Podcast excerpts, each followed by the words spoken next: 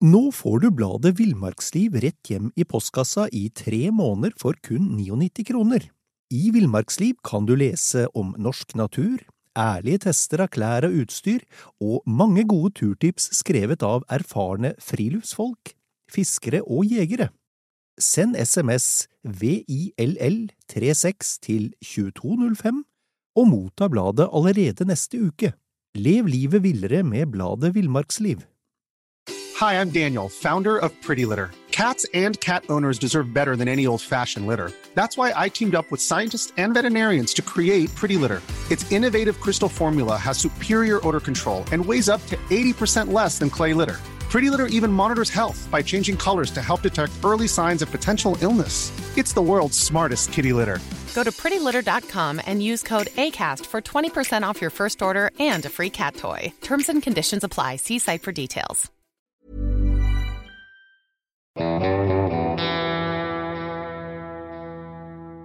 Velkommen til podkasten Villmarksliv. Mitt navn er Alexander Bergan, og jeg er redaksjonssjef i bladet Alt om fiske og journalist i bladet Jakt og bladet Villmarksliv.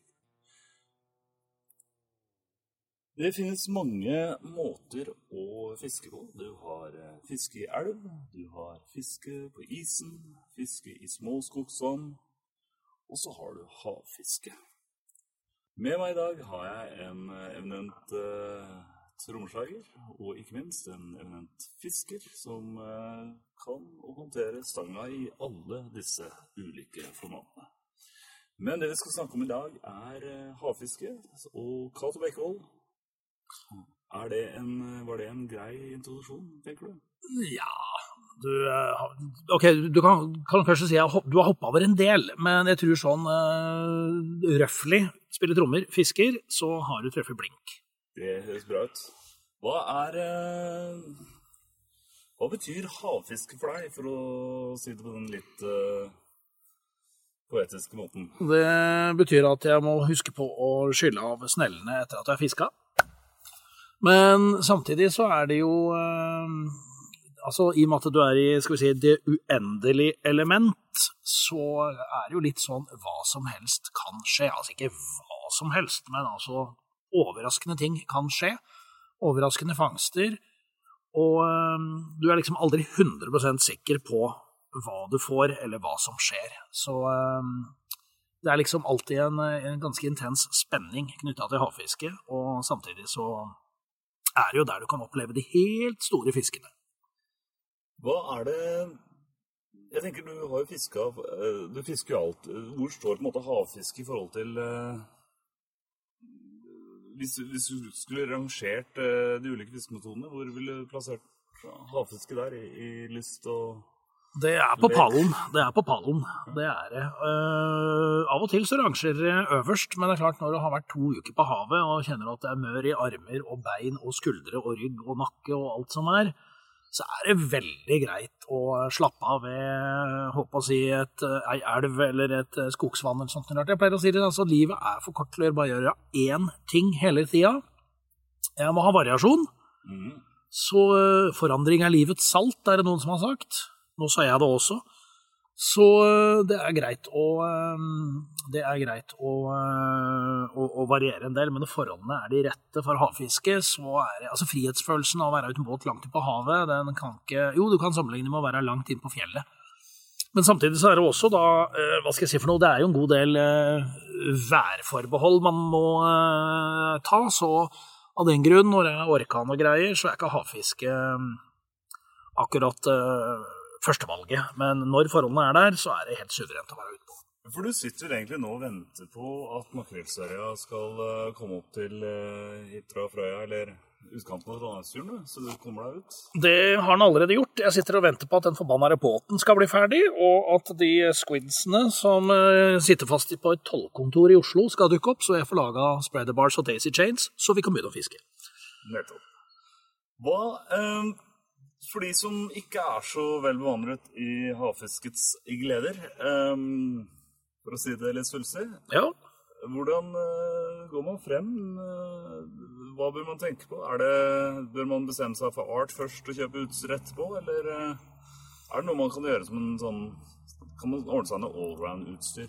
Det er greit med allround-utstyr. Altså, kan du si med en eneste gang, vi kan, for å få definisjoner på plass, vi kan skille mellom havfiske, som da, skal vi si, foregår fra båt, og på å si sjøfiske, hvor man ofte da står fra land. Eh, Det er den vanlige måten å skille de to eh, på. Men eh, altså ut ifra geografisk ståsted, du trenger ikke like kraftig utstyr hvis du skal fiske i Indre Oslofjord, som hvis du f.eks. skal ja, fiske på Sørøya oppe i Finnmark. Så eh, det er jo hvor du har tenkt å fiske, eh, hvor du for det meste fisker, selvfølgelig. Hvis du har altså, hytte på Sørlandet og tenker her skal jeg starte min havfiskekarriere, så klarer jeg med relativt greit utstyr. Type, altså, havfiskestyr er klassifisert eh, etter IGFA-systemet, hvor det er pund-klassifisering. Og det vil rett og slett si hvor kraftig utstyret er, og hva, hva det si, tåler av fisk og utstyr og alt det der. Så nei, noe eh, ja, 12-20-20-30 punds utstyr holder fint på Sørlandet, Østlandet, eh, vestover ja, 20-30 pund, og eh, jo lenger nordover du kommer, jo større blir fisken. Og jo større blir tidevannsforskjellen, jo hardere blir strømmen. Og jo større behov får du for å bruke da tunge ting, tunge pilker, tunge skjedder, tunge bly hvis du skal meite. Og da trenger du også kraftigere utstyr. Da er det fort på 30-50 hvis du kommer deg nordover. For da er jo plutselig sjansen mer enn eh, middels at det også drar seg på en eh, diger kveite, og da nytter det ikke å stå der med en stoppenål med sytråd. Så, men altså, er det da sånn at uh, eh, kan man dele inn det i noe? Altså det 30-50 eksempel, det, da snakker vi kveite. Ja. Og 20-30 Og stortorsk. snakker vi- Ja, og stortorsk. 20-30 snakker vi hva slags arter? Litt mindre torsk, eh, sei, lyr, steinbit, eh, brosme, lange på ikke altfor store dyp, eh, men 30-50 er også for fiske på store dyp, der du da trenger ganske tunge søkker. Det er ikke dermed sagt at du ikke får en uh, liten uh, sei på en uh, 30-50. Nei, altså det kan du fort få. Hvis du har pilk med opphenger, så hiver den seg over opphengeren, men det blir jo ikke den mest spennende fighten, da. Eh, fighten blir omtrent like spennende som eh, Mike Tyson i toppform og Stephen Hawking sittende i rullestol. Eh, det blir ikke så spennende sånn sett. Nettopp. Så, men som er en god allround-stang? Kan man si at 20-30 er det, kanskje? 20-30 er ikke noe dårlig valg. Eller så har du Det er vakare fisk, ja. Og ørreten er klar av vannet her. Vi sitter ved et skogtjern. Ja. Jeg ser dem er i lufta støtt og stadig. Det, Alexander han snudde seg med ryggen mot vannet. Det er det ingen sportfisker som gjør, og da får du ikke med deg naturens lille skuespill. Nei, ja. skygge for sola. Um, 20-30 pund, allround-utstyr på eh, Øst- og eh, Sørlandet. Og så eh, kan du si, ja, si 15-40 er allround-utstyr Vestlandet nordover. Trøndelagskysten. Men selvfølgelig med lokale tilpasninger. Når, eh, en liten digresjon her nå. Når du skal nå ut og ta makrellserie, da snakker vi enda tyngre skyts, eller? Da er du på det kraftigste. Da er du på eh, Altså, IGFA-systemet går opp til 130 pund. Men det lages også stenger som er såkalt uh, opp til unlimited. Som er enda kraftigere enn det kraftigste den uh, IGFA-skalaen går til. Så det er Hva skal jeg si for noe? Det er omtrent som å ta eh, Altså det Sergej Bubka brukte når han hoppa over 6 meter og 14 og sette på snellefest og stangringer. Det er der, liksom. Eh, ja, OK. Så du har gått til innkjøp av eh, Vi er rappere. Nei da, vi har, eh, vi har stenger, stenger og sneller og alt. Jeg, jeg tenker sånn generelt sett, hvis du, hvis du, skal, eh, hvis du skal begynne å fiske, Ja.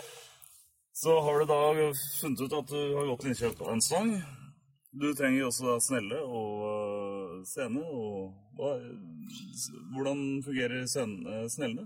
Nei, eh, du kan si sånn, i gamle dager så var det jo ganske store, tunge greier. Det var gjerne pensenatorer og sånt. og De veier en del. Altså, de er jo Hva skal jeg si for noe? Det er jo liksom snelleversjonen av T-Ford. Eh, Solid, eller Volvo Amazon, eh, funker, men det er klart det er tungt å bære dette, og ikke spesielt elegant. Eh, Når de nye flettesnørene kom på markedet, så endra også eh, behovet for svære sneller seg dramatisk, for det, diameteren er jo ikke mer enn ja, 0,30-0,35, ofte på mye av det vi bruker. Og eh, da går også behovet for ei svær snelle ned, så dagens sneller er mye mindre i størrelse. Bremsesystemet er ganske mye kraftigere, faktisk, og i tillegg så um, Altså, hele, hele, greia blir veldig mye lettere. Det var mye glassfiberstenger i gamle dager, nå går det mer i kullfiber. Så det er mye smekrere og lettere. Du orker, orker, å holde på en hel dag og, uten å bli sliten, samtidig som det er løftekraft og power både i um, stang og snelle. Og snørene, de fletta snørene er jo så å si uten strekk, så du kjenner jo omtrent om ei lange på 200 meters dyp, eh, er bare borte og eh, nubber borti eh, makrellfileten, så kjenner du dette. Og du får mindre problemer med avdrift også, for det tynnere snøre vil gi mindre mm, strømmotstand og avdrift i vannet. Så vi har kommet veldig langt siden 80-tallet. Ja. Um så da har du da altså stang, snelle, snøre, fortommer.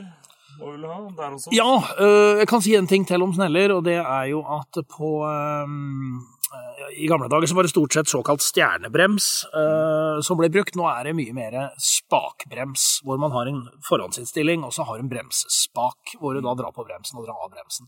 Det er ganske smooth, og bremsen blir bedre og jevnere. Det er flere gir også, er det ikke? Du har også eh, sneller med flere gir. Det er jo egentlig ikke noe man trenger så veldig mye av i Norge, unntatt til, som du sa, makrellstørrefiske. Mm. Uh, jeg har mye togira sneller, jeg, altså, men det er veldig sjelden jeg legger den i lavgir. Men det er jo det, da. Plutselig en vakker dag så drar det seg på noe digert, og da kan lavgir være kjekt å ha.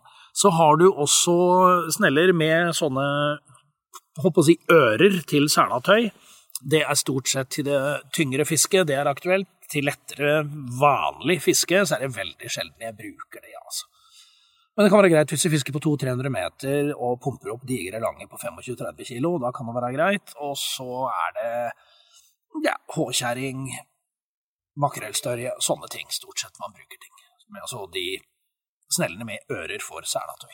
Altså, hvor, altså, når du sier makrellstørje og, og håkjerring og sånt, dette er jo ikke arter, eh, vil jeg tro, som eh, Gud og hvermannsen fisker? Nei, det er fiske for eh, Det er fiske for de sære, for å si det sånn. Og det krever jo såpass skal vi si, sært og spesielt utstyr. Og når det gjelder makrellstørrefiske, så må man faktisk også være klarert av Havforskningsinstituttet og Fiskeridirektoratet. Så dette er ikke noe for cowboyer som bare finner ut at eh, Og det er det garantert mange som tenker tanke. Bare sånn Oi, her kan du kjøpe stang snelle, dundre ut, plukke en makrellstørre på 350 kilo, selge den til noen sushirestauranter og sitte igjen som en rik mann. Det er ikke sånn det fungerer. Uh, blir du tatt for det, så får du jævlig heavy bøter. Uh, så den tanken er det bare å legge fra seg. Uansett, det er altså stor, stor fisk i norske farvann. Det Største fisken tatt på stang ever i verden. Den er på drøyt halvannet tonn, og det var en hvithai. Allerede på andreplass så kommer Norge med håkjerringa, nemlig håkjerring på 1,1 tonn, og er også tatt en tre-fire håkjerringer på oppunder et tonn. Eh, det er vel En svenske fikk en på rundt et tonn, som aldri blei noe annet enn estimert. Så det går gigantfisker i Norge, det er ikke spørsmål om annet. Og as we speak så har det blitt tatt to makrellstørjer på ja, rundt 350 kilo, faktisk. En i, en i, går og en i dag. Ja, Og nå snakker vi da altså siste dagen i august? Ja, 31. august. Ja. Så uh, det går svær fisk i norske farvann. Det jeg har sagt, uh, det er nok lettere å hanskes med en håkjerring på ett tonn enn en makrellstørje på halve størrelsen. Håkjerring er treigere? Ja, det er som en søppelsekk, altså. Det er ikke mye trøkkere. Det går sakte. De har vel eh, merka faktisk håkjerringer for å finne ut hvor fort de svømmer. Og det de fant ut, var at eh, den raskeste hastigheten de fant ut at de svømte, var ca. 5 km i timen, dvs. Si normal ganghastighet hos et voksen menneske. Så der får du ikke fyr på snella, for å si det pent. Det er ikke noe eh, varmgang i noen bremseskiver der, altså. Men da er spørsmålet er det like interessant å fiske en håkjerring som det er da å fiske en, en uh, rask uh, sei, selv om kanskje seien er mindre? mindre? Altså... Det er kanskje morsommere å fiske sei. Det er en veldig livlig fisk. Det er en sterk fisk. Altså, Førsterusninga som en sei har, rett ned i dypet, på lett utstyr, jævlig gøy altså, hvis det er fisk på 10 kilo pluss, så er det ordentlig trøkk i det. Eh, Det er jo da viktig å ikke overdimensjonere utstyret. 30-50 punds utstyr og 10 kilo sei blir ikke så moro. Men på lett utstyr så er svær sei en sinnssykt morsom fisk. Samme med, med stor lyr også. Kjempemoro på lett utstyr. Ja, hva er det, det er det Hva tenker du er det viktigste? Nå, nå går vi litt vekk fra utstyret her, men det, det får, får nå være Vi kommer tilbake til det. Eh, Er det viktigst at det er um, stor fisk eller morsom fisk? Ja takk, begge deler, sa Ole Brumm. Jeg henger meg på den. Eh, Jeg tror kanskje fascinasjonen med håkjerring er jo A, de kan jo bli så enormt store. Og den sportfiskeren som sier at nei, jeg er ikke noe interessert i noe svær fisk, det er eh, Altså, han enten ljuger eller er veldig spesiell. Altså, da er det nesten så du kan bli vist ut i eh, Altså stilt ut i bur mot betaling. Men eh, Eller han. eh, Men eh, det ene trenger ikke å utelukke det andre. Morsom fisk er jo altså sprek fisk på altså ultralett utstyr og svær makrell, også dritgøy. Så hvor de skriker litt i snella, og det, det skjer noe da, utover bare tung pumping, for å si det sånn.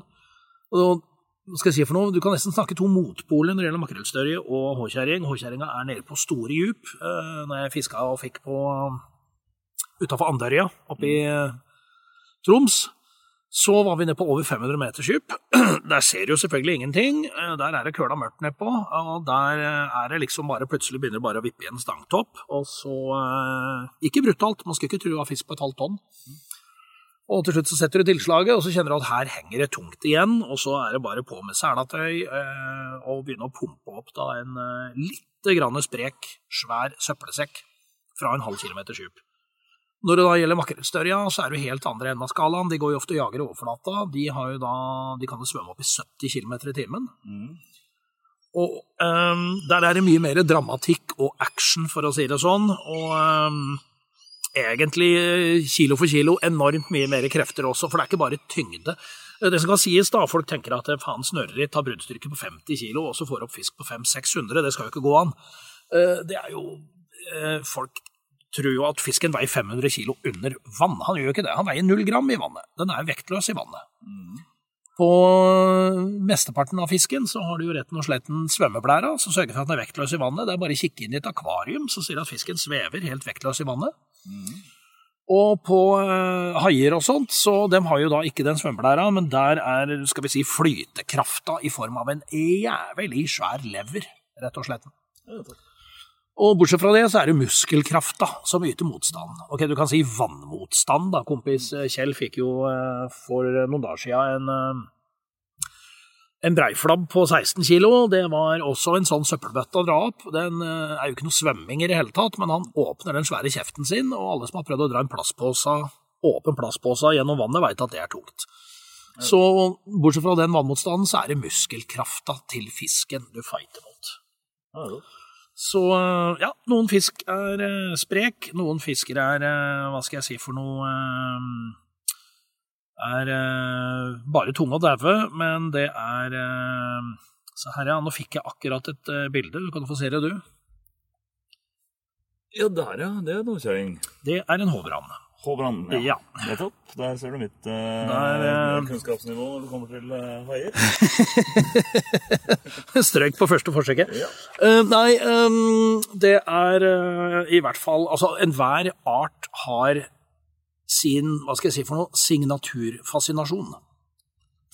Noen fisker er sære, noen fisker er gode matfisker, Uh, noen fisker er altså en enorm utfordring. Eh, Noen fisker blir store, noen fisker er sterke, noen fisker hopper og ruser voldsomt. eh, Andre fisker er, eh, hva skal jeg si for noe, eh, sjeldne.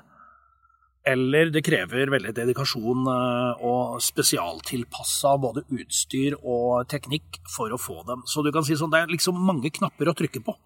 Ja, og alle disse eh, fiskene har vel også kanskje ulike Hva skal jeg si? Ulikt, ja, som du sa, noen har spesialtilpassa teknikk og utstyr. Ja. Men uh, det er vel også Du kan vel på en måte gå deg lett vill i en, en butikk eh, når du skal kjøpe ulike sluker og, og scener, eller fortommer, og, eller lage fortomsmateriale, som det heter. Ja.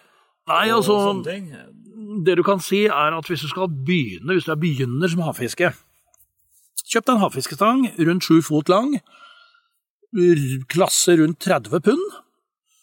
Eh, En snelle som passer, ikke noe gigagreier, ikke noe mikrogreier, men en som matcher stanga, altså ikke for stor, ikke for liten.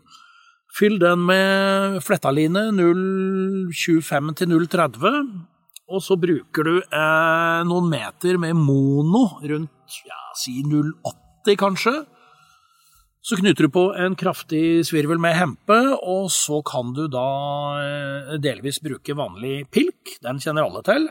Sånn som svenskepilken. Svenskepilken eller en svær stingsila, et eller annet sånt noe. En fiskeforma blyklump med krok i enden. Mm. eller man kan da bruke noen av de noe mer moderne agna, nemlig shadder, altså plast, altså jegger i diverse plastmaterialer, som er egentlig en eh, stor krok med en uh, faststøpt eh, blyklump som ligner hodet på en fisk, og på den kroken så trer man på en gummifisk som har en eh, hale som gjør at den beveger seg veldig livlig i vannet. Og eh, når fisken kommer og tar den jiggen, så vil den bare kjenne en myk gummikropp, og vil ikke kjenne noe alarmerende der. Det gjør den hvis den plutselig sitter der med 400 grams pilk, steinhard pilk med en svær treplekrok i enden. Så det, det kan man si er, er to ulike grunnutrustninger, da. Ja, jeg vil si det. Eller eh, stang, snelle, snøre-komboen er den samme, mens man da selvfølgelig må variere litt grann hva som henger i snøreenden, alt ettersom hva man er ute etter. Um, spesielt uh, storskei og ikke minst kveite er veldig glad i skjedder, mens uh, pilk er jo uh, ganske bankers på torsk. Det er for så vidt skjedd også, men det er veldig enkelt å fiske med pilk, da.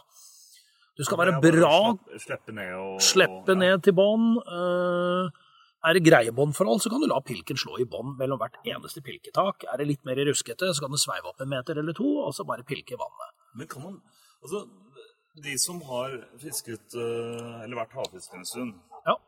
Vil pilken anses som liksom litt sånn eh, Passé?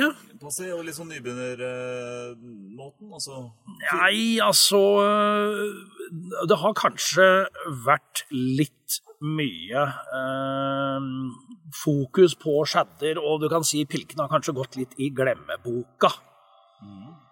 Sånn øh, de siste åra, men det er jo egentlig øh, Fortsatt så funker jo øh, pilk som juling, spesielt på et sånn type ja, altså gytetorsk og sånn, så er det fortsatt førstevalget til veldig mange. Og du skal si sånn, skal du ha deg en mattorsk eller noe sånt rart, det å slippe ned en pilk, det er liksom bankers over en grunnetopp eh, der torska gjerne står. Skal du bare ha et par eh, torsk sånn kjapt, ned med en pilk, så er det nesten ferdig skåra, altså. Nå får du bladet Villmarksliv rett hjem i postkassa i tre måneder for kun 99 kroner. I Villmarksliv kan du lese om norsk natur, ærlige tester av klær og utstyr, og mange gode turtips skrevet av erfarne friluftsfolk, fiskere og jegere. Send SMS VILL36 til 2205 og motta bladet allerede neste uke. Lev livet villere med bladet Villmarksliv. Hey, it's Danny Pellegrino from Everything Iconic. Ready to upgrade your style game without blowing your budget? Check out Quince. They've got all the good stuff shirts and polos, activewear, and fine leather goods, all at 50 to 80% less than other high end brands. And the best part? They're all about safe, ethical, and responsible manufacturing. Get that luxury vibe without the luxury price tag. Hit up quince.com slash upgrade for free shipping and 365 day returns on your next order. That's quince.com slash upgrade. Skal vi, vi, kan, eh, vi kan ha en liten uh, hvis du Nei, nei, det går bra. Det er, eh, jeg, får, altså, jeg sitter med mobilen ved siden av meg. Jeg får altså oppdateringer fra tunafiske hele tida. Dundrer inn nå. For her vi sitter, eh, ved et lite skogsvann i Trondheim, så er det nesten vindstille. Folk er ute på havet, og her sitter jeg. eh, Som malplassert, så eh, jeg kan få blitt, men eh, Du. Eh, Du kan si hva du vil. Eh, Det kan sammenlignes litt med hvis kjerringa skal føde og ikke er på plass på fødestua, så får du oppdateringer hele tida. Da er det liksom så og så lenge mellom venene, og til syvende og sist blir det gutt eller jente. Det er omtrent der det er. Så, eller om du er i en budrunde på en jævla dyr leilighet. Så der er vi. Men det er også en del av sportsfiskerens hverdag. Um, Ja, jeg tenker jo litt sånn at hvis man skal gå dypere inn i, i, i dette I materien. I, i materien um, Når det kommer til uh, dette med, med agn og hvordan man skal gjøre det, så er, det finnes vel sikkert like mange måter å, å få fisk på som det finnes uh, Hår på en bikkje. Hår på mye, eller eh, antall arter, eller eh, antall fiskere, for den saks skyld. Ja, eh, det er kanskje noe av det grunnleggende når du skal begynne å fiske, det er kjenn din motstander. Ja. For å si det sånn, fisker du i overflata, kjapt og gærent, så får du ikke jævla mye torsk. Pilker du nedpå si, ned ved bånn på 60-70 meters dyp med en svær svenskepilk, så får du ikke mye makrell. De har forskjellig levemåte, de spiser litt forskjellige ting, og har sine foretrukne habitater. Noen er stimfisker, noen er lonere, altså går for seg sjøl, og noen liker seg på dypt vann, noen liker seg på grunt vann, noen liker seg på mudderbånd, noen liker seg på sandbånd, noen liker seg over stein og eh, nærmest klipper. Så det å vite, i hvert fall det grunnleggende, essensielle, hvilket habitat man skal oppsøke for å få den og den fisken, det er helt essensielt. For å si det sånn, det er ingen som går og plukker blåbær i februar. Er dette, er dette noe man leser seg opp til, eller er dette noe man lærer seg selv eh, Nei, det- gjennom prøving og feiling? Det fins ganske mye bøker, det fins veldig mye på eh, nettet, så det der, eh, hvis du har mulighet til å komme deg online, så finner du veldig mye, altså. Men når du først Altså, hvor gammel var du når du først gikk ut i en båt med en havfisksang? Sju-åtte, tror jeg. Ja. Så du begynte ikke med åborfiske? eh, Mm, jo, jeg gjorde det. Jeg begynte å fiske jævla tidlig, må sies. Så eh, nei, det har vel vært eh, Det har vel vært det har liksom, Jeg, jeg har fiska alt, overalt, hele tida. Det er greia. Og det tror jeg er greit å ha litt Ha litt eh, Håper å si bred praksis, for å bruke det uttrykket. Mm. For plutselig så er det en metode de finner ut at eh, med litt modifikasjoner, så kan dette her da plutselig funke glimrende på noe helt annet. Og det var litt sånn duppmeite etter kveite så dagens lys. Eh, Jeg tror jeg er den første som testa det. Jeg fikk ikke fisk, men kompis Wilhelm han eh, likte ideen, tok det opp og fikk fisk temmelig tidlig. Og etter hvert så har ja, svensker og dansker hivd seg over dette. Vi testet, Det er jo altså det er jo type sånn ja, gjeddeteknikk, egentlig. Og så har du bottom bouncing. Det er også en gjeddeteknikk. Det testa vi etter kveite. Det funka som juling. Selvfølgelig kraftig oppgradert. Mye kraftigere utstyr og Men eh, Ja. bottom bouncing, altså det må forklares. Uff, har vi en time? Nei da, det er uh, bottom bouncing stems. Altså det, poenget er at dette her er uh, det, det blir så mye engelske uttrykk eh, i greia. Det er uh, OK, en pinne på én meter med dupp i toppen og søkk i bånn. Uh. Øverst på duppen så er det et høl som snøret går gjennom, og så er det en stopper som sørger for at snøret stopper tre meter under agnfisken, to-tre meter under agnfisken. Halvkilo søkke i bånn av den der pinnen, duppen, sørger for at uh, tacklet fly, si, flyter opp, eller altså ikke subber ned på bånn.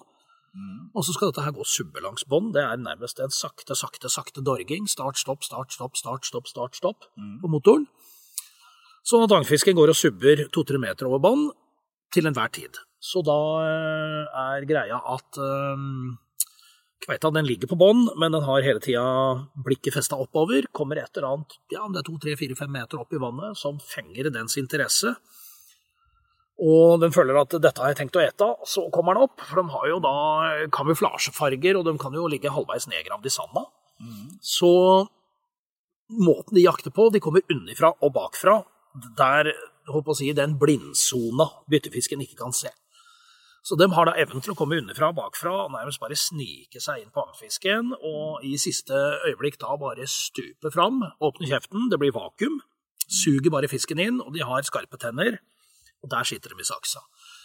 Så det er liksom kveitas måte å jakte på. Så den der, der er jo egentlig litt sånn skreddersydd kveitas måte å være på, da. Så, men du var da altså da en Det er en gjeddefisketeknikk som er konvertert til eh, kveitefiske. Det var da ditt verk. Er det flere teknikker folk bruker som kanskje ikke vet sommer stammer fra de to? Ja, jeg vet ikke. Spin and glow foran vannfisken når du fisker kveite, men eh, det tror jeg kanskje flere har. Eller attraktorer, da, flytekropper og polyballs og hele pakka. Det er også gjeddefisketeknikker. Som Altså, eh, hva skal jeg si, for noe, reindyrka havfiskere har kanskje ikke eh, plukka så mye skal vi si, inspirasjon fra andre grener av sportsfiske, men det å kunne gjøre det, det er faktisk både, både meitefiske og predatorfiske, predatorfiske type gjedda, borrgjørs, sånne ting. Uh, der er det mye å hente, for å si det sånn. Så uh, det er mye av de uh, klassiske havfisketakla som kan eh, Kall det forfines og gjøres mer optimale. Så eh, det å ha ja, det var jo blant annet dette her med tandemtakler for å feste hel agnfisk. Eh, knuter og greier vi brukte der, det er tatt rett ifra gjeddelæreboka. Det virker jo Altså, det er jo eh, Men det er jo alt. og du skal servere en agnfisk som vannet er salt eller søtt eller ferskt. Har ikke så jævla mye å si, og så skal det serveres da på kanskje 40-50 meter framfor 7-8-9-10 meters dyp. Og ja, så hadde that's det it, egentlig. å dimensjonere det til ja. riktig art og riktig dyr. eh. Retten og sletten. Retten og sletten. Altså, ja. Så vi fisker gjedde i havet. Riktig, ja, nå jeg det er riktig art, jeg mener det er eh, riktig um, tyngde. Det er altså riktig kilo på fisken. Ja. Um, er det sånn at um, Kan du si noe om hvor mange arter du har fått på havet? Ja, ok, hvis vi også tar med oss utlandet, så må det vel bli en ja, 140-150 arter, tenker jeg. Altså, vi, var nå i mars midt Altså, vi, vi dro i Jeg holdt å si Vi dro 4. mars. Da var det bare Dette går bra, ikke noe korona på Maldivene. God tur, skitt fiske. Og kom hjem ni dager seinere til et totalstengt Norge. Det var ganske absurd, hele den turen der. Eh, nei, da fikk vi, i hvert fall i løpet av de dagene vi var på Maldivene, så fikk vi 36 forskjellige arter. Var, eh, jeg hadde fått en del før, men det var eh, også et par uh, nye, altså, og det var i løpet av ni dager. Jeg hadde vært på Ascension Island, sånn 20-25 arter, liksom. Og det ene er jo da det indiske hav, det andre er jo da Atlanterhavet. Noen artene er mer eller mindre det samme, men også veldig mye forskjellig. Og det er også litt av fascinasjonen med havfiske, det at du kan få såpass mange forskjellige arter.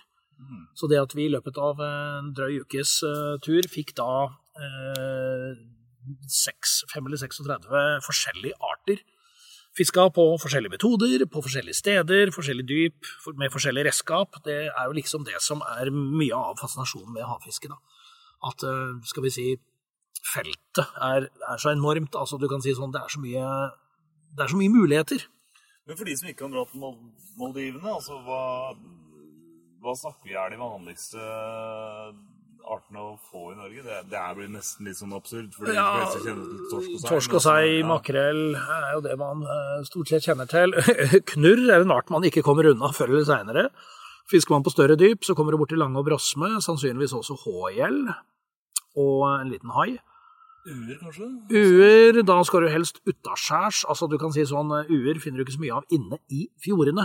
Den finner du gjerne ut mot det åpne havet. Eh, Men den må du også fiske spesifikt etter. Altså, du kan ikke fiske Nå kommer måka her, ja. Du kan ikke fiske etter kveite og tror du skal få uer som bifangst. Det gjør det ikke. Eh, Men eh, Du kan fiske etter mest og få brosme som bifangst. ja, takk, det kan du. Det har vel du erfart, ja.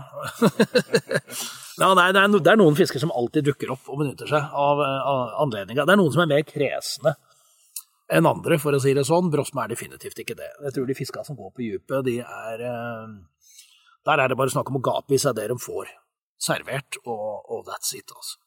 Kroksky brosme har jeg aldri hørt om Eller tacklesky brosme. De bare hiver seg overalt, hvis de får sjansen. Så nei, på de store djupa, øh, fisker over steinbånd, øh, lager brosme, er over mudderbånd, så blir det jo veldig mye småhai, da, hågjell. Der kan du få skater, ymse skater. Er du på store djup, 300-400 meter, så kan du få hvitskate på de rette plassene. I Trondheimsfjorden kan du få svartskate. Eh, Det er vel blir kalt havets enhjørning, for det er vel ikke tatt mer enn ja, så vidt tosifra antall, tror jeg. Og stort sett alle er tatt i Trondheimsfjorden på sportfiskeutstyr. Det er eneste plassen de er tatt på stang i hele verden. Og så har du eh, eh, ja, andre skater. Du har jo piggskate er relativt vanlig, kloskate er relativt vanlig. Du har eh, spisskate, gjerne på litt større dyp. Og eh, pluss, pluss, pluss. Folk har prøvd seg på isgate, gråskate, mye sånt rart. Dette er artsjegere, da.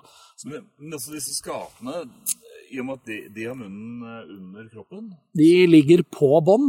Skal du fiske skate, skal agnet ligge stille på bånn. Da vil jeg da si det får du ikke så lett til hvis du fisker fra drivende båt og det blåser kuling.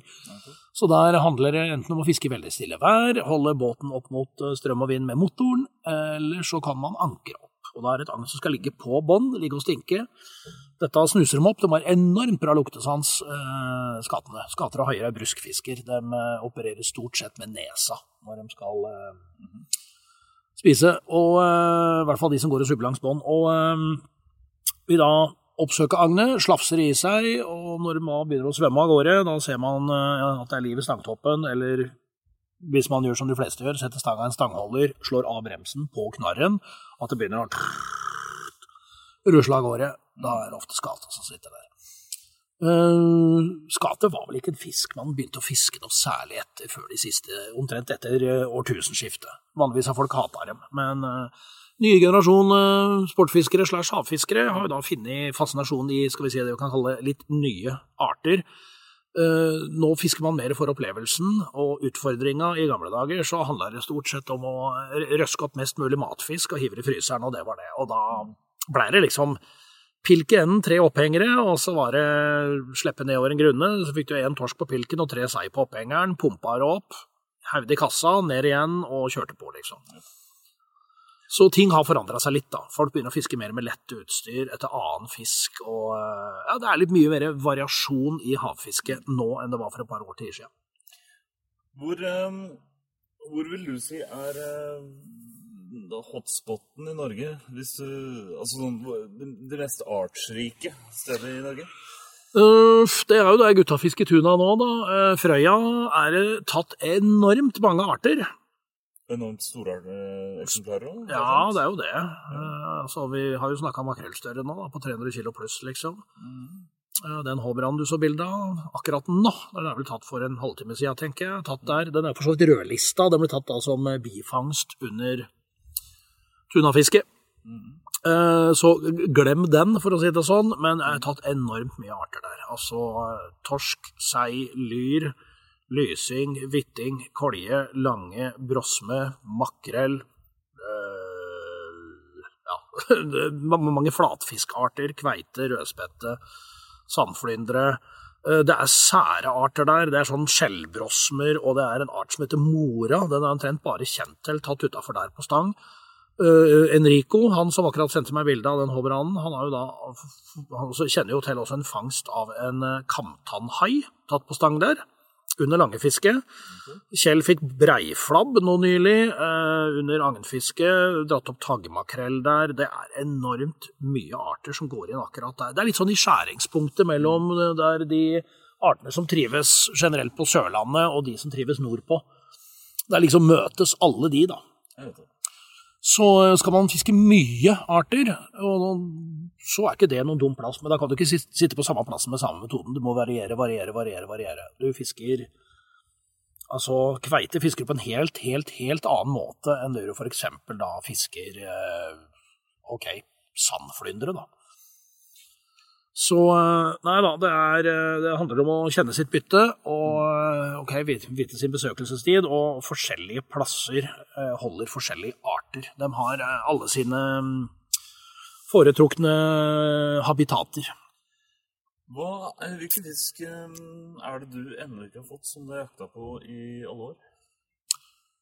Uh, ja, ikke alle år, men jeg har faktisk uh, fiska ganske mye på plasser og med metoder hvor jeg da statistisk sett burde ha fått en spisskate, men den har liksom unngått meg. Det er noe dritt. Uh, veldig lenge så var jeg også håkjerring løs, men det ordna seg til syvende og sist. Det ble to på Kjappen og på Andørja, så nå har jeg liksom kryssa av den på artslista. Og øh, hva skal jeg si for noe? Det er liksom den der jævla spissgata som har liksom unngått meg hele tida. Det er litt surt, men øh, det er øh, sånn Innimellom er det sånn, som varer lenge med H-kjerring og plutselig så får du berømte ketsjup-effekten. Så jeg har ikke gitt meg på den. Den berømte ketsjup-effekten Ja. som uh... Nei, plutselig så løsner det. Hvis du har klemt på en ketsjupflaske Heinz-flaske. Ja, du klemmer, og så pff, kommer eh, alt. Vært, jeg merker at jeg har vært ute i fire dager eh, med litt søvn nå. Ikke den klikker inn, liksom. Ja, nei, nei, men det er litt sånn, da. Så til syvende og sist er det nesten statistisk at OK, nå bør du få en. Så den eh, Jeg får se om jeg klarer å få eh, lirka opp en jeg fikk fra kompis John Kofot. Sa han at tar en tur ned på høstparten, så skal vi alltids fikse deg en spissgate. Jeg finner en plass med mye spissgate. og holdt av til deg. Det er jo catch and release gutta holder, så det å få den samme fisken flere ganger, det er relativt vanlig, for å si det sånn. Og bortsett fra brosma, hvilke fisk er det du begynner å bli lei? Jeg er i hvert fall lei svarthå og hågjell. For dem er jo stort sett bare bifangster når du fisker etter annen fisk, som type svær lange eller håkjerring eller hva det er for noe. Det er ikke noe matverdi i, det er bare agntjuver, så den er ganske lei. Knurr er også en fisk som godt kunne holdt seg litt borte fra kroka mine innimellom, altså.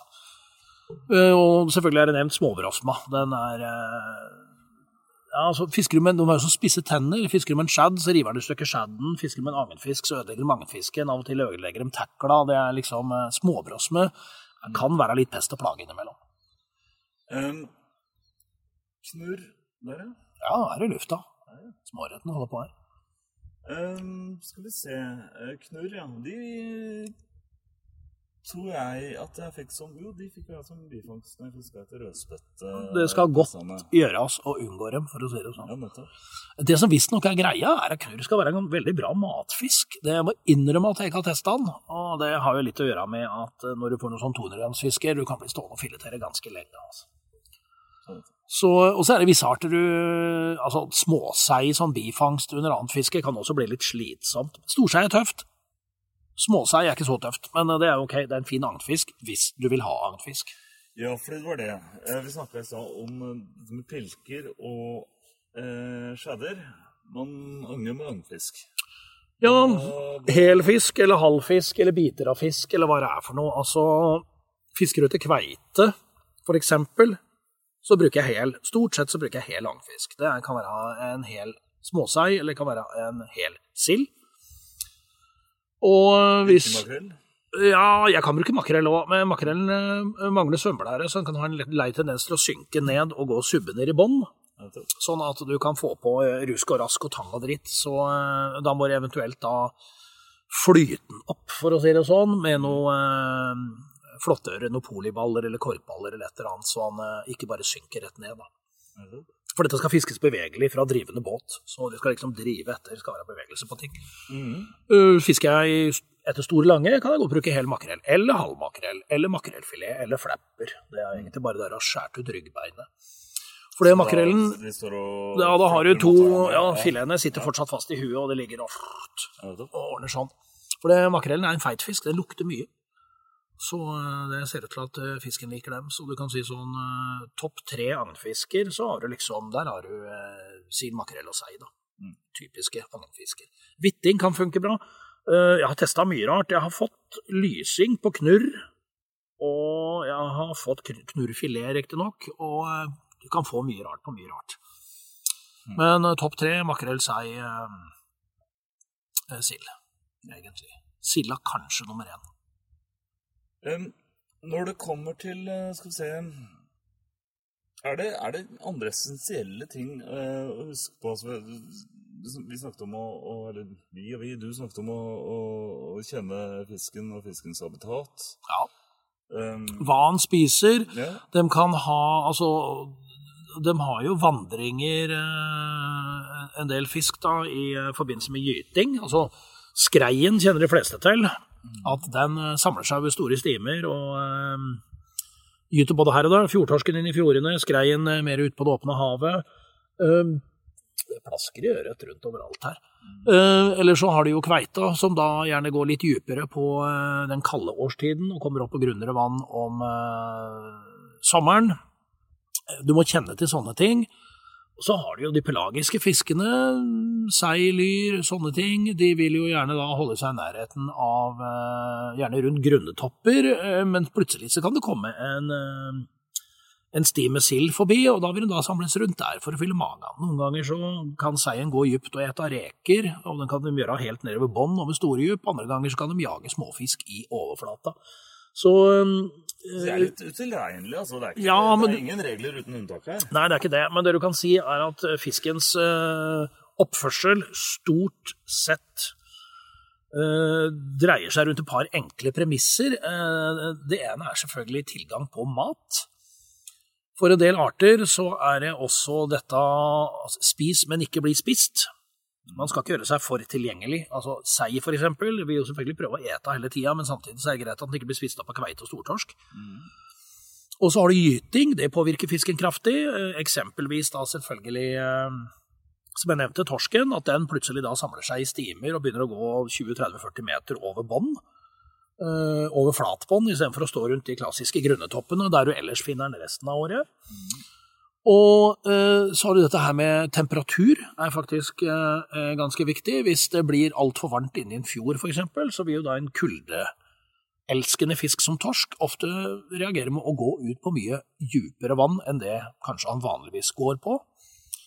Og så kan det være selvfølgelig andre ting. altså Vi har jo hatt noen tilfeller langs norskekysten med sånne algebelter, som kvelefisk og sånt. Vi vil selvfølgelig prøve å rømme unna det, og, men eh, Kvelerfisk. ja, det var krysokromolina. Det var en sånn der eh, grønnalge som herja langs kysten for en del år siden. Eh, Da var det vel eh, oppdrettsfisken som lå i merdene, klarte ikke å rømme unna. Og da der var det tonnevis med laks i merdene, og folk var helt desperate og kappa fortøyningene på merdene og slepte dem langt til havs.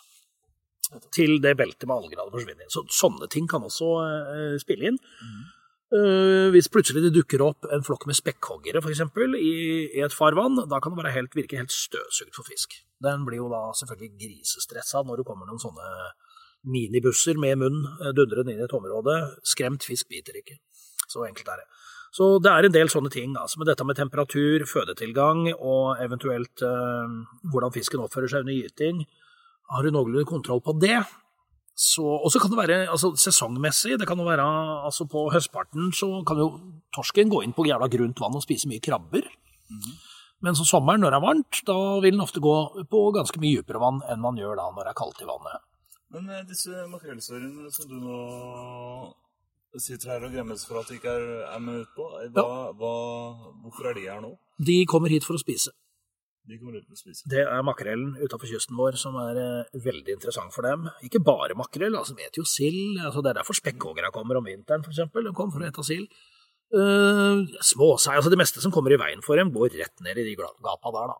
Uh, det er en litt spesiell fisk i og med at den er varmblodig, og i tillegg så har den en veldig høy forbrenning. Den eter ca. en tredjedel av sin egen kroppsvekt per døgn. Hvilket vil si at den fisken gutta fikk i stad, antageligvis da eter 100 kilo fisk per dag. Og det er én fisk. Ja. Så de trenger å fylle magen med ting og tang, og da er det jo selvfølgelig fisk som lever i store stimer og har, eh, si, er ganske fettholdige, næringsrike, aka makrell, sild. Det er byttefisk det mer enn gjerne hiver seg over. Så eh, rett og slett for å feite seg opp, så kommer de hit. Um, Så det er en, nei, det er en næringsvandring de foretar. Så det er nok et eksempel på eh, hvorfor du kommer hit. Samme makrellen, eh, den kommer gjerne sånn på forsommeren, er her til et stykke på høsten, og så stikker den av gårde igjen.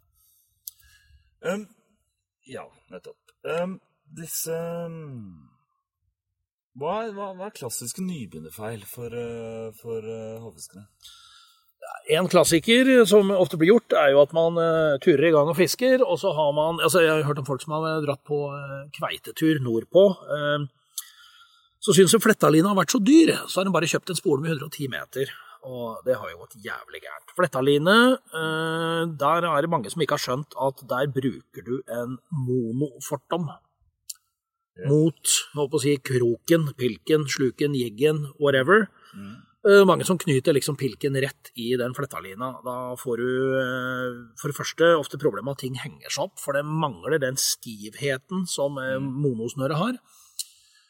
Og i tillegg så tåler ikke det flettasnøret mye slitasje mot steiner og bånd og sånt. Og i tillegg, vanlig slueknute kan ofte gli opp med de snørene der. Det er liksom én klassiker.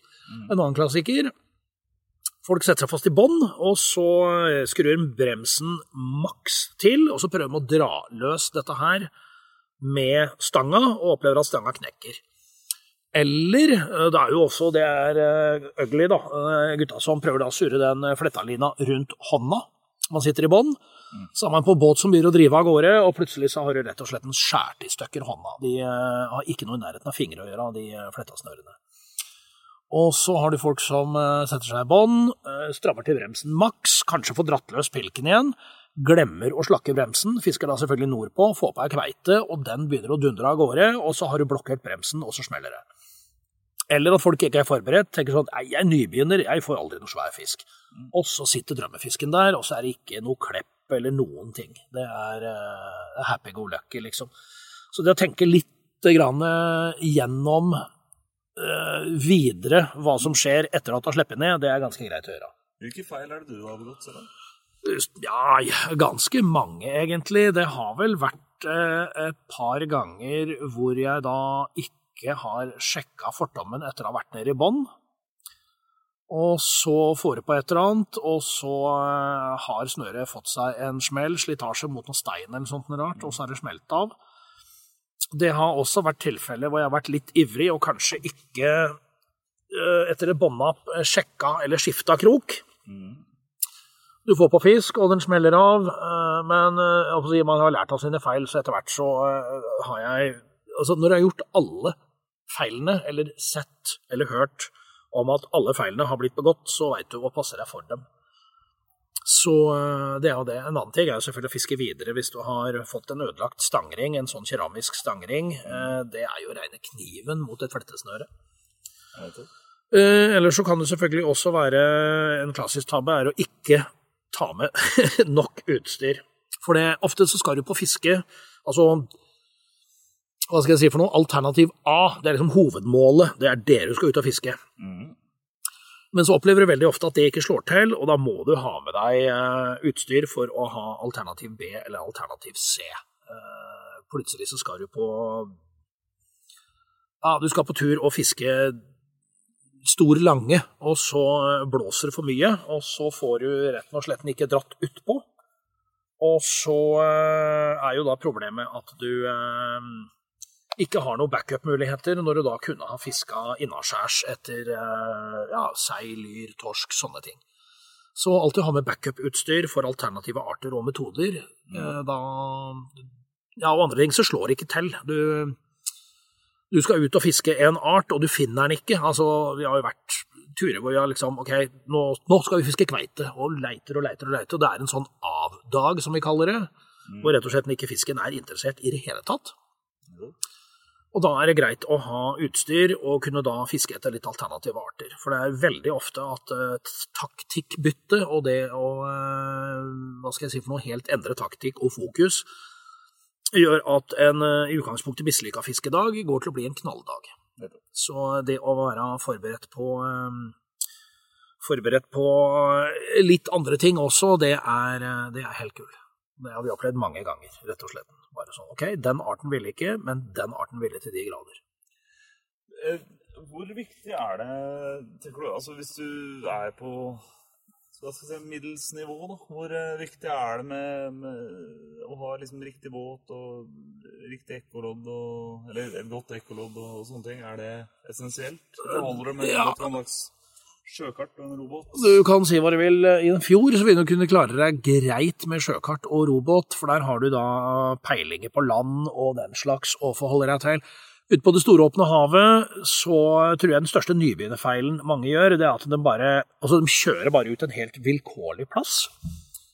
Og så er det faktisk noen som får seg til å si 'her ser det fint ut', og da tenker jeg 'hva i helvete veit du om det'? Og bare slipper ned og eh, bare gjør et eller annet og tenker nei, det var en dårlig dag. Altså du 90% av fisken står på 10% av områdene. Og altså, yrkesfiskere snakker til, hele tida om fiskebanker og fiskegrunner. Det er ikke uten grunn. altså. Det er ikke bare å slippe ned en vilkårlig plass og tro at nå blir det jævla mye fisk. Hvis du, og, selv, og da, ja, Nå har jeg det rette utstyret. Hogger ikke feil til nå, så skjønner jeg ingenting. Fisker du på feil plass, da har du ikke delt ut de beste korta til deg sjøl, for å si det sånn. Og, du finner, og, du, og disse plassene, plassene finner du selvfølgelig med Ja, det er jo, det er jo um, elektronisk sjøkart og Ja, det er jo det da elektronisk sjøkart, eh, rett og slett kartplotter, det er det viktigste hjelpemiddelet til en havfisker. Det er bortsett fra båten, for å si det sånn. Så um, det å finne hotspotsa, det er alfa og omega. Du kan si sånn, eh, havfiske kan være vrient nok. Altså gi seg sjøl et sånt kjempehandikap og bare fiske helt vilkårlig hit og dit. Da har du eh, overlatt omtrent alt til flaksen. Så det å fiske på rette plasser, det er alfa og omega, og brenne kruttet der. Så eh, da gjør jeg sjøl en kjempetjeneste, og da kan du også eh, altså, overlate så lite som mulig til tilfeldighetene, i hvert fall det du kan gjøre noe med. Det kan du eh, håper å si, stryke fra usikker-lista. Er det, er det synd og skam å å, å ta opp fisk? Nei, Sånn, nei, nei. eh, Det er bare å ta opp fisk, men jeg tror det er sånn eh, Om folk har hatt en kjempedag, og du kommer hjem med 350 makrell i båten, så tenker jeg Makrell er en feit fisk, den blir harsk etter tre måneder i fryseren. Altså Enten så må du sitte 24-7 og sitte og stappe i deg makrell, men det som er synd og skam, det er å ta med seg jævla mye fisk hjem, hive det i fryseren, så blir det liggende til det blir gammelt, og så må du hive det. Det er synd og skam. Så for all del, ta med deg fisk hjem, fisk til eget forbruk. Du kan ta med noe fisk til naboen også, men øh, og, og, pelle opp så mye fisk at den blir gammel, og du må hive den, det er synd og skam. Så er det mange som ikke tar ordentlig vare på fisken heller. Altså bløggen, øh, sløyen så kjapt du kan. Pakke ned, gjerne vakuumpakken, og få den i fryseren med en eneste gang. Eh, Du skylder deg sjøl å ha Og det er jo alltid hyggelig at fisken smaker bra når du først har tatt og knerta den.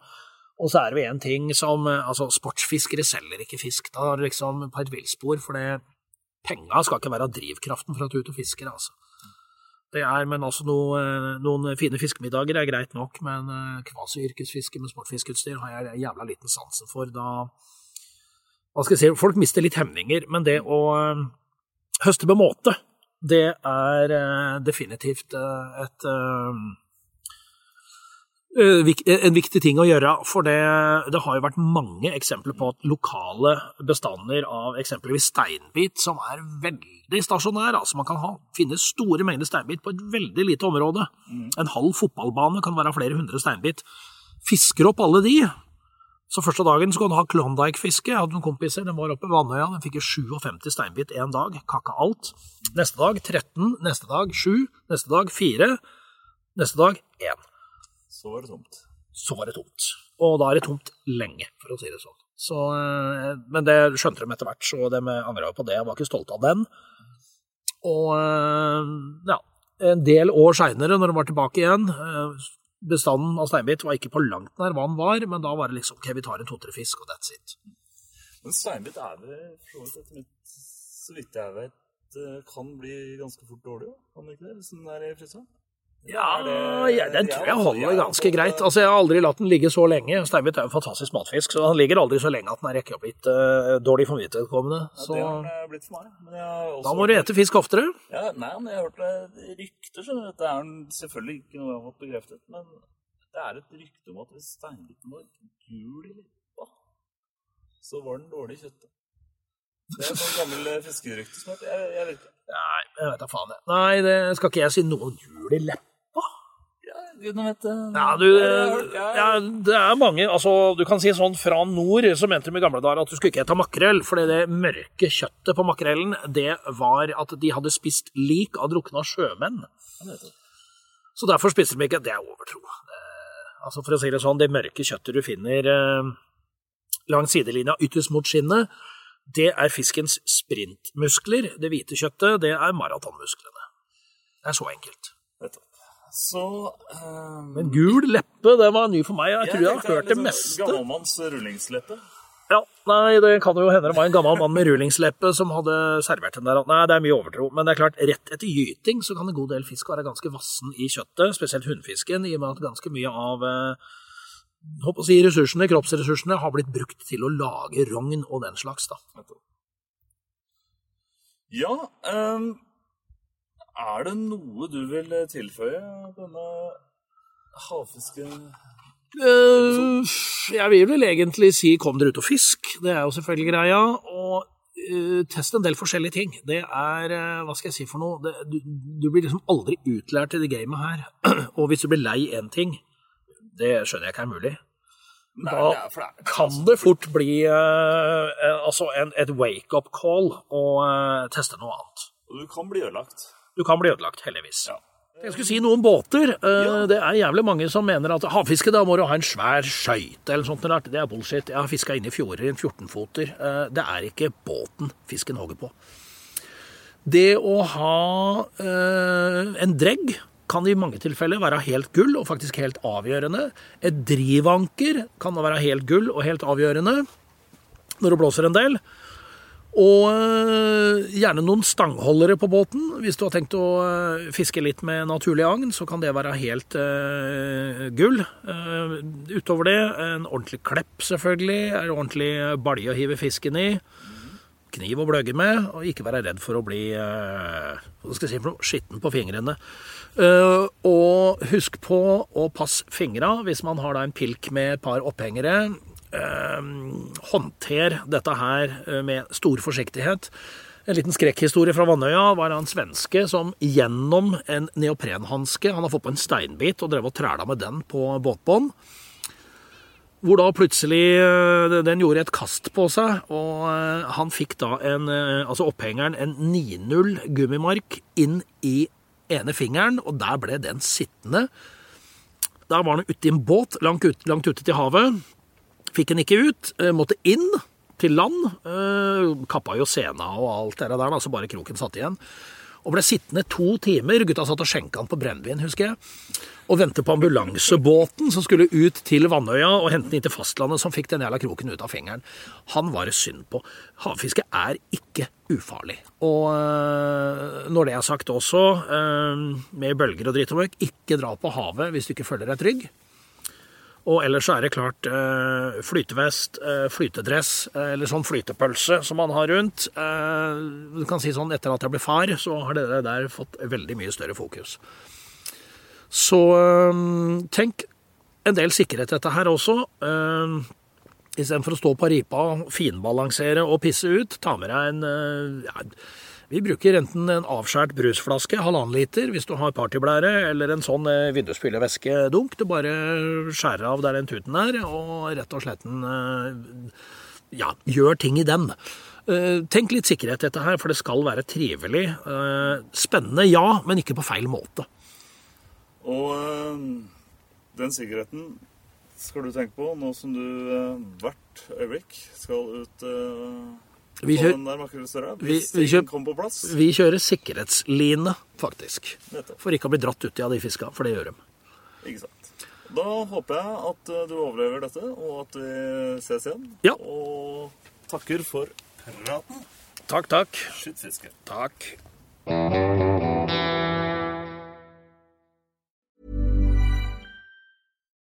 Nå får du bladet Villmarksliv rett hjem i postkassa i tre måneder for kun 99 kroner. I Villmarksliv kan du lese om norsk natur, ærlige tester av klær og utstyr, og mange gode turtips skrevet av erfarne friluftsfolk, fiskere og jegere. Send SMS VILL36 til 2205 og motta bladet allerede neste uke. Lev livet villere med bladet Villmarksliv. Hey, it's Danny Pellegrino from Everything Iconic. Ready to upgrade your style game without blowing your budget? Check out Quince. They've got all the good stuff shirts and polos, activewear, and fine leather goods, all at 50 to 80% less than other high end brands. And the best part? They're all about safe, ethical, and responsible manufacturing. Get that luxury vibe without the luxury price tag. Hit up quince.com slash upgrade for free shipping and 365 day returns on your next order. That's quince.com slash upgrade. Even when we're on a budget, we still deserve nice things. Quince is a place to scoop up stunning high end goods for 50 to 80% less than similar brands. They have buttery soft cashmere sweaters starting at $50, luxurious Italian leather bags, and so much more. Plus, Quince only works with factories that use safe, ethical, and responsible manufacturing. Get the high-end goods you'll love without the high price tag with Quince. Go to quince.com slash style for free shipping and 365-day returns.